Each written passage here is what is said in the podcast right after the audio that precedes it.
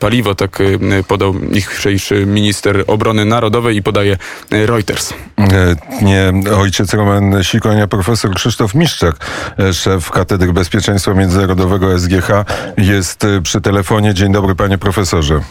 Dzień dobry panie doktorze, dzień dobry państwu. E, e, teraz, e, w tej chwili, gdyby miał pan wydać ocenę tego wszystkiego, co dzieje się, myślę, pod kątem militarnym i politycznym na Ukrainie, to jaka to była ocena? Jakie byłyby najważniejsze zdania, które pan profesor wypowie? Dla mnie najważniejsze jest to, że Ukraina się broni to jest fundamentalne, czyli, czyli, e, czyli jest tutaj motywacja e, e, całego, całego narodu ukraińskiego, który jest oczywiście narodem, żeby nie, nie powtarzać tych głupot, które mówi Putin.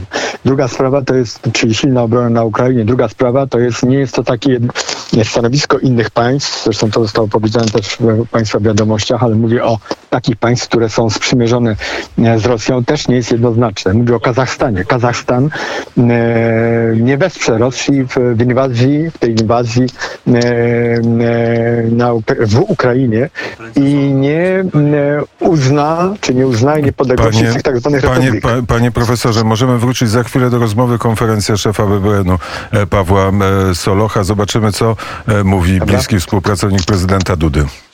Prasowa szefa BBN-u Pawła Solocha konferencji przysłuchiwał się profesor Krzysztof Miszczak, szef Katedry Bezpieczeństwa Międzynarodowego SG SGH. Zaczęliśmy rozmowę. Krótki komentarz do tego, co powiedział pan minister?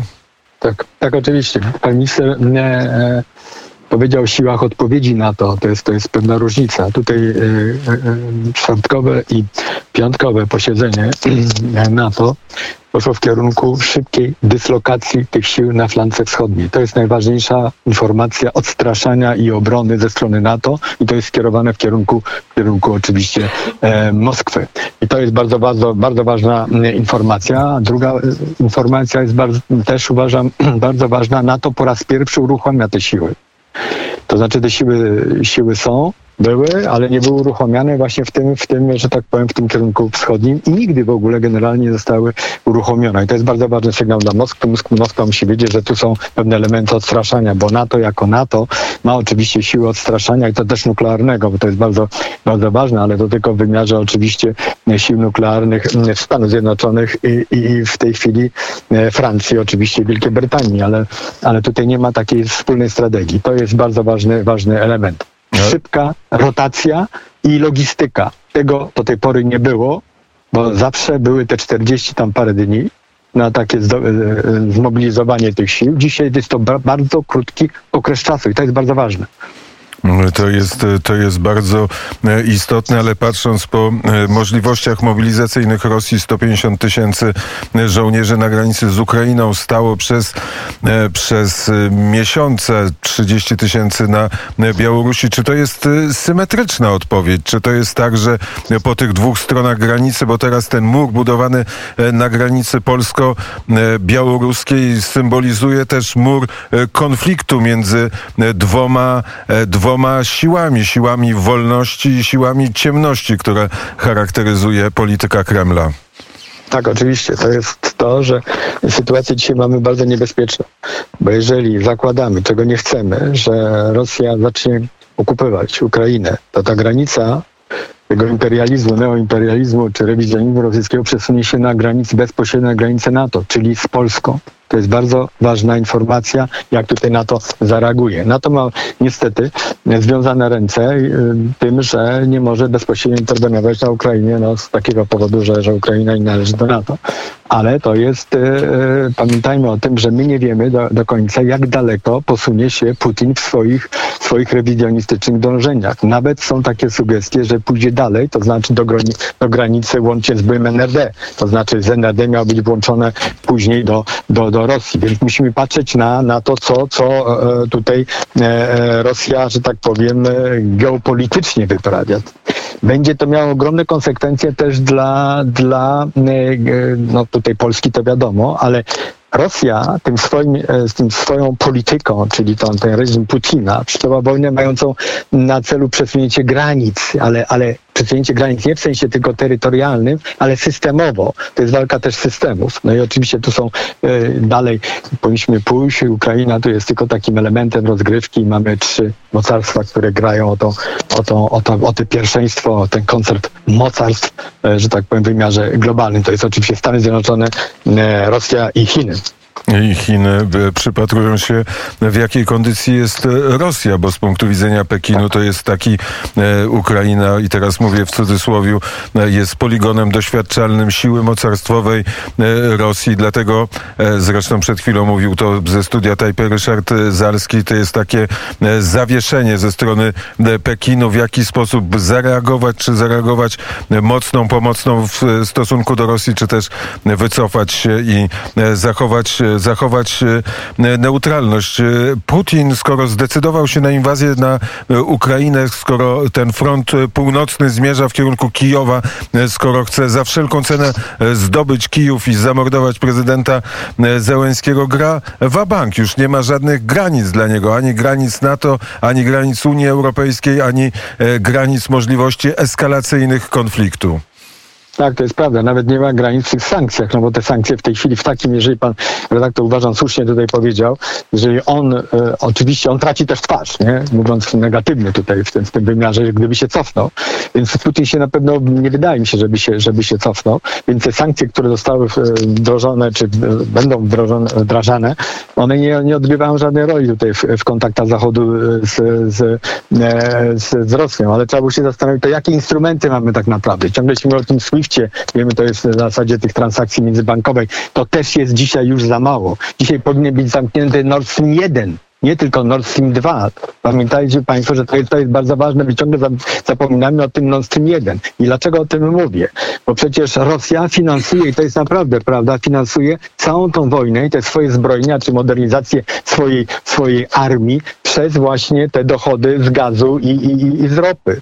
Jeżeli my wiemy, że w 20 roku Rosja wydawała na te na zbrojenia 61,7 miliarda dolarów, a dochody na, z gazu i z ropy to jest 64, miliarda, 2 miliarda dolarów, to możemy sobie zobaczyć, gdzie trzeba uderzyć w Rosję i, od czego ją odciąć. Przecież tymi, y, tymi gazociągami, gazociąg to jest, to, jest, to, jest fizyczna konstrukcja i Rosja może tylko przesyłać y, ten swój gaz i, i, i, i ropę właśnie tymi gazociągami. Te trzeba po prostu pozamykać. Tu trzeba w to uderzyć. Ale, ale tu najsłabszą pozycję oczywiście e, w tym całym froncie zachodnim przedstawiają Niemcy. Bo są najbardziej uzależnione od rosyjskiego gazu, który zresztą przez wiele lat kupowali taniej niż e, my, e, czyli Polska, chociaż e, ten czas tranzytu i ta linia tranzytowa była krótsza przez wiele lat do Rzeczpospolitej, jak jeszcze nie było Nord Stream 1. To, to już jest jakby historia. Po raz pierwszy ktoś powiedział w naszym programu Nord Stream 1 jest kłopotem, a Nord Stream 2 jest oczywistością, że należy go zamknąć. Nie słyszałem takiej deklaracji z ust żadnego z polityków, ani e, polityków e, polskich, ani litewskich, ani, e, ani, ani amerykańskich. Tak, to jest prawda. To jest prawda. Dzisiaj, dzisiaj się dużo rozgrywa i to się nie zgrywa tylko, że tak powiem, w sensie geopolitycznym tutaj, ale w samym, samym wnętrzu Niemiec, w tym, w tym całej tej, że tak powiem, dyskusji, która zaczęła się w, w polityce wewnętrznej i, i w całej geopolityce niemieckiej. My musimy wziąć to pod uwagę, że Niemcy zdają sobie sprawę, że ich Bundeswehra, czyli Narodowe Siły Zbrojne, nie są w stanie dzisiaj przy inwazji z zachodu, ze, ze wschodu, przepraszam, obronić własnego terytorium. To są wypowiedzi oficjalne generałów niemieckich, którzy są na służbie. To, tego nie, to jest niebywałe w ogóle, że coś takiego e, powiedziano. Więc oni tutaj bardzo ostrożnie, e, ostrożnie e, patrzą na tą politykę e, rosyjską. Ale to jest niebywałe w polityce e, e, zagranicznej bezpieczeństwa Niemiec, ta ich skłonność do rozmowy z Rosją. To był absolutnie historyczny błąd całej generacji polityków niemieckich po 1949 roku, kiedy oni uwierzyli w nową geopolitykę Europy. A Niemcy, jak patrząc na tą Europę, definiują tę Europę od Lizbony do, Władywos do, do Władywostoku, czyli też Rosję włączają w ten swój, to swoje spektrum oddziaływania. Z tego się muszą natychmiast wycofać. I to, jeżeli chcą prowadzić jakąkolwiek politykę w Europie, muszą uwzględnić interesy bezpieczeństwa innych państw. I jeszcze jedno powiem, wydaje mi się, że to jest bardzo ważne. W niemieckiej polityce zagranicznej bezpieczeństwa taki dobrobyt to jest takie hasło, które też, też jest, e, jest to sformułowane w konstytucji niemieckiej. Niemcy dzisiaj muszą być gotowe, krótko e, okresowo, ze względu na konflikt z Ukrainą i stałem tutaj e, w tym wymiarze wschodnim, na rezygnację z własnego dobrobytu. Jeżeli tego nie pokażą dzisiaj, że są w stanie to zrobić, nie będą istotnym graczem już w Europie. Po prostu nikim nie zaufa. To jest bardzo ważna rzecz. Czyli muszą zrezygnować z czegoś, co jest fundamentem ich demokracji. Niemcy po 1949 roku, Niemcy RFN, później po, po połączeniu obu państw niemieckich, identyfikowali, identyfikują swoją demokrację tylko i wyłącznie z sukcesem gospodarczym zrezygnować z własnego dobrobytu, to znaczy między innymi częściowo. Y, częściowo między innymi zamknąć w ogóle źródła gazu płynącego y, z Rosji, nie tylko Nord Stream 2, czy tak z czegoś jest. jeszcze powinni zrezygnować?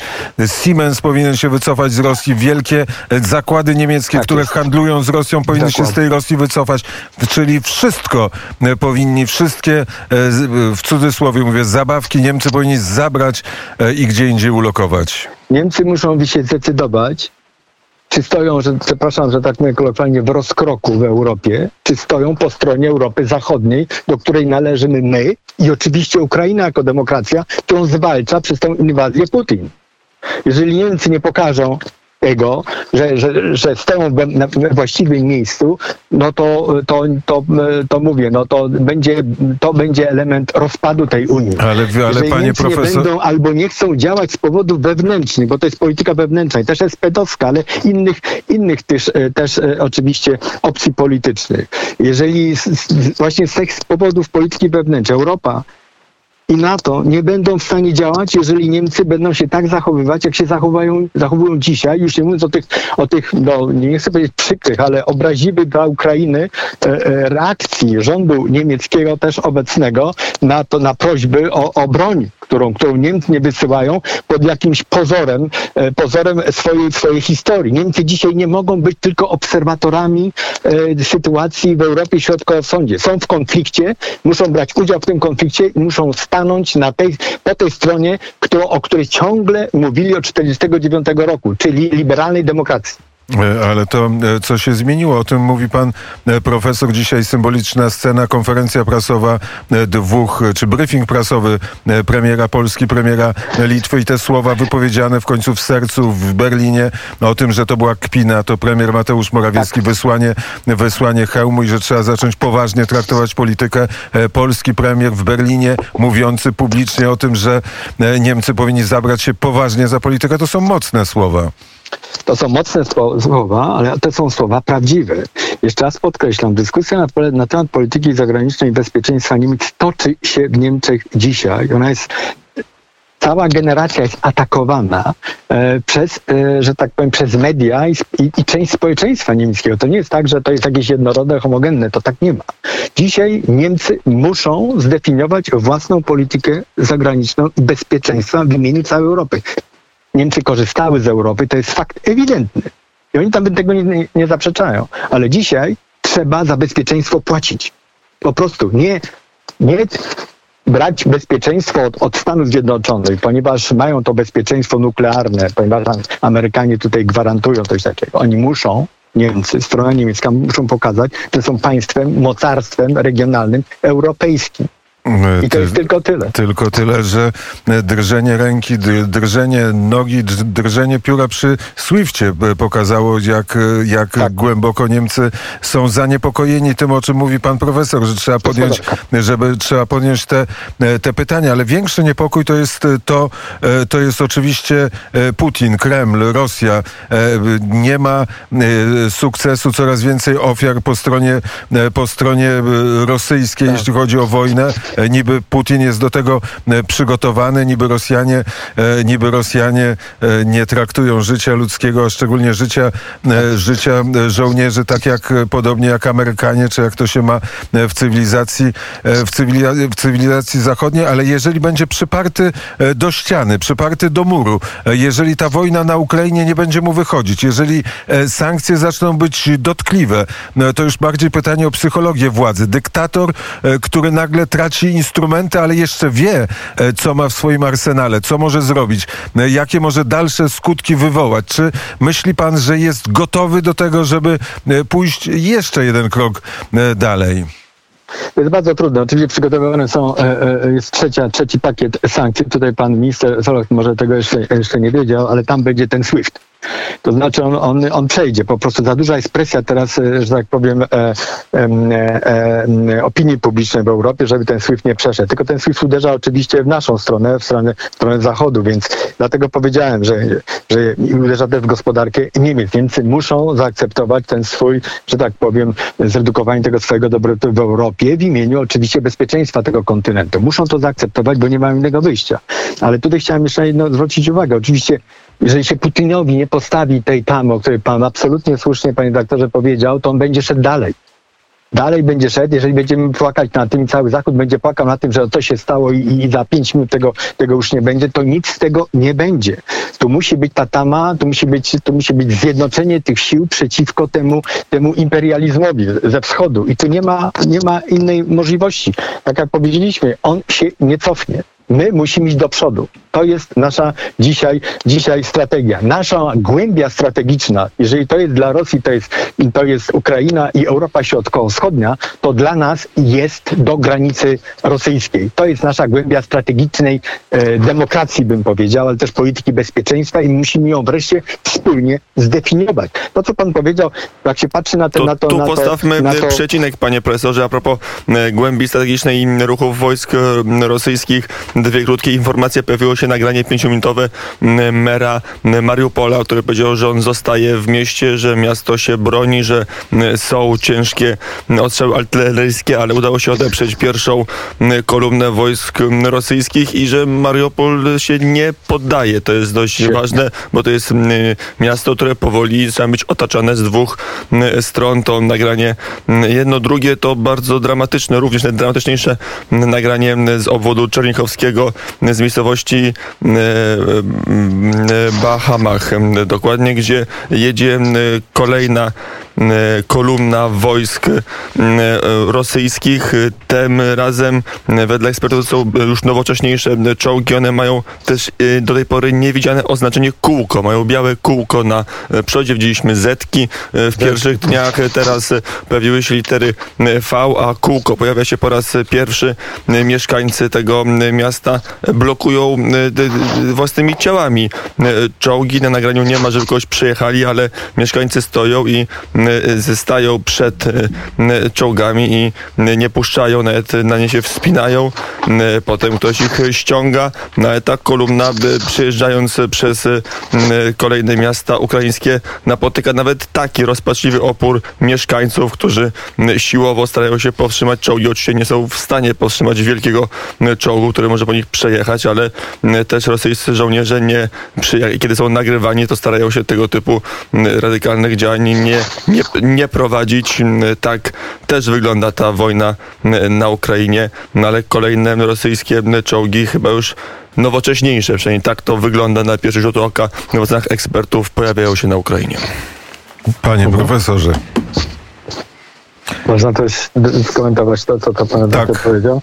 E, Pamiętajmy o tym, bo to, to jest oczywiście dla mnie to jest no, no, rzecz no, niebywała. Te, te, te, te, te, ten siła oporu e, Ukraińców to jest wspaniała sprawa. Ale wracając do, e, do, do tego, co pan e, redaktor powiedział, pamiętajmy o tym, e, o Czechosłowacji z 1968 roku. Pamiętajmy o e, o Tiananmen masakrze. Tam też te czołgi były, też były wchodzenie na te, na te czołgi i, i, i też blokowanie tych, tych czołgów. Więc to jest, że tak powiemy, tu się nie widzę żadnej różnicy. Dlatego ciągle mówię, że to, co dzisiaj Rosja proponuje światu, to jest nic innego jak nowe wydanie tej doktryny Breżniewa. Ona została zmodyfikowana oczywiście, ponieważ Rosja jest, że tak powiem, bardziej zmodernizowana, ale w sensie tylko tego kompleksu przemysłowego, ale nie w sensie e, politycznym, ideologicznym. I uważam, że tutaj, tutaj e, sytuacja dzisiaj naprawdę jest tragiczna, ale ona jest tragiczna nie tylko dla Ukrainy, ona jest tragiczna dla nas wszystkich. Przecież, no nie oszukujmy się, ta współpraca z Rosją, wcześniej Związkiem Radzieckim, ona się cały czas utrzymywała, cały czas był, była i wszyscy myśleli, przede wszystkim pomyślmy o planie Steinmeiera, byłego ministra spraw zagranicznych, teraz prezydenta e, Niemiec, który mówił, że można Rosję zmodernizować. Przez modernizację Rosji można zmodernizować system polityczny. To są wszystko nieistotne rzeczy. Próbowano to z Chinami, próbowano to z Rosją i nic tego nie będzie. Trzeba dyskutować oczywiście na różne tematy, ale ja uważam, że dzisiaj, dzisiaj ta, ten czas na dyskusję już się skończył. Jeżeli nie pokażemy tej siły, i to jest też siła militarna, i najlepszym, proponowałem kiedyś, i moja, w mojej książce pisałem, najlepszą obroną Europy w stosunku do tych zaborczych e, ambicji e, putinowskich, czy tego reżimu, tego Kremla, jest stworzenie armii europejskiej. O, o, o armii europejskiej, która broniłaby, równolegle oczywiście do armii narodowych, żeby broniła tej Europy. Nie była interwencyjna, ale broniła jej. I to trzeba wreszcie zrozumieć, że musimy myśleć o wspólno powstaniu rzeczywistej, rzeczywistej wspólnej polityce bezpieczeństwa i obrony Unii Europejskiej, jeżeli chcemy ją utrzymać. No nie może być tak, że, że, że Unia Europejska jako, jako demokracja funkcjonująca, powiedzmy sobie demokracja państw, nie ma ramienia zbrojnego, żeby obronić te, te demokracje. Przykład Republika Weimarska. W Konstytucji Republiki Weimarskiej było zakotwiczone, zakotwiczona ta demokracja, którą Niemcy mieli tam przez kilka lat. I co się stało z tą, z tą, z tą, z tą, e, z tą konstytucją? Nikt jej nie bronił, nikt jej tej demokracji nie bronił, Hitler doszedł do władzy. No, no, no to musimy wreszcie wyciągnąć wnioski z tej historii. Ona za nas tych wniosków, jeżeli my tego nie zrobimy, to ona sama pójdzie w swoim kierunku, ale odwrócić pewnych procesów już nie będziemy mogli. Wygląda na to, że polska klasa polityczna nie ma problemu z historią. Za naszą nie. zachodnią granicą y, kończy się ta y, kompetencja rozumienia tego wszystkiego, czym jest y, wojna i czym może być Rosja, jeżeli trafi się w, trafi w ręce takiego dyktatora, jakim okazał się. Czy od początku był pan Putin, oficer KGB, który służył w Niemieckiej Republice Demokratycznej w Dreźnie. Z tego co pamiętam, bardzo serdecznie, e, panie profesorze, dziękuję za rozmowę. Jedna odpowiedź na pytanie o wiarę. Wierzy pan, że Kijów się obroni? Wierzy pan w to, że Ukraina zwycięży? I... Panie redaktorze, dzisiaj my wszyscy w Europie prawdopodobnie we wolnym świecie jesteśmy Ukraińcami. Nie powinniśmy tego zapominać. To oni bronią naszej ziemi też naszej ziemi, naszej demokracji i trzeba wesprzeć ich ze wszystkich możliwych stron. Bo to jest, bo to jest fundamentalne dzisiaj, ta nasza solidarność z nimi. To jest państwo, które wkroczyło oczywiście nie, nie tak jak, jak, jak dorosłe oczywiście demokraty, ale wkroczyło na drogę demokracji. Putin chce to zatrzymać, bo to jest największe niebezpieczeństwo i to są te gwarancje bezpieczeństwa, które chciał uzyskać od Zachodu dla własnego reżimu. Jeżeli Ukraina odpłynie w sensie demokracji na zachód, to jest koniec reżimu w Rosji. Ten problemy Rosji się dopiero zaczynają. E, Ukraina jako państwo dobrobytu, ta biedna, pogardzana e, często tak. przez Moskwę e, Ukraina, gdyby stała się państwem dobrobytu, wtedy Rosjanie by pomyśleli sobie, może warto jednak pójść i, i stworzyć system demokratyczny, system wolności. Do tego droga jeszcze, jeszcze daleka. I... No tak, co tego, tego pytanie, przepraszam panie redaktorze, pytanie jest takie, co to jest Rosja, co to jest naród rosyjski, jak myślą Rosjanie na, na ulicy, jak myślę te, jak myśli ta klasa polityczna, która okrada naród, ta kleptokracja, która tam funkcjonuje. Czy to, czy to już jest ten moment przełomu? To jest bardzo ważne. I jeszcze jeden taki element chciałbym, chciałbym zwrócić uwagę, bo pan zwrócił, e, mówił o Putinie. Putin napisał taką, kiedyś taki artykuł, popełnił, nie wiem, czy to on to napisał, czy ktoś mu to napisał, dyktatura prawa, ale on wszystko odpisał od Karla Schmidta z Niemiec. Karl Schmidt napisał taką, taką, taką właśnie taką, popełnił taką, e, taki artykuł, to się nazywa Die Diktatur, czyli dyktatura. I on pokazuje, jak to można przeprowadzić, że jedna, że jednostka może rządzić i tak dalej. To była podstawa też reżimu nazistowskiego i też części e, elity politycznej niemieckiej po 1949 roku. To, to powstało w 21 roku. Karl Schmidt to napisał. Ten adoptował to wszystko. Proponowałbym przeczytać źródła, opierać się na źródłach, nie zapominać, żeby nie mylić to, co jest pochodne z tym, co to już było, bo to jest, bo to jest łatwe do sprawdzenia. I tylko tyle. Trzymajmy kciuki i wszystko, nie wiem, za Ukrainę. To jest nasza wolność. Bardzo serdecznie dziękuję za rozmowę. Źródeł jest więcej myśli Lenina, bo nie, nie myśli, pu, myśli Putina, bo można ich, ich szukać w dziełach Lenina. E, również pokazał to w czasie swojego wystąpienia, kiedy powiedział, że to Lenin stworzył e, Ukrainę. E, tak, taki chciał dać policzek, ale wtedy jeszcze nie wiedzieliśmy, jakie są konsekwencje tego e, policzka. Krzysztof Miszczak, szef Katedry Bezpieczeństwa Międzynarodowego SGH, profesor, był gościem e, specjalnego programu Radia Wnet, który trwa i trwa. Jest godzina 15.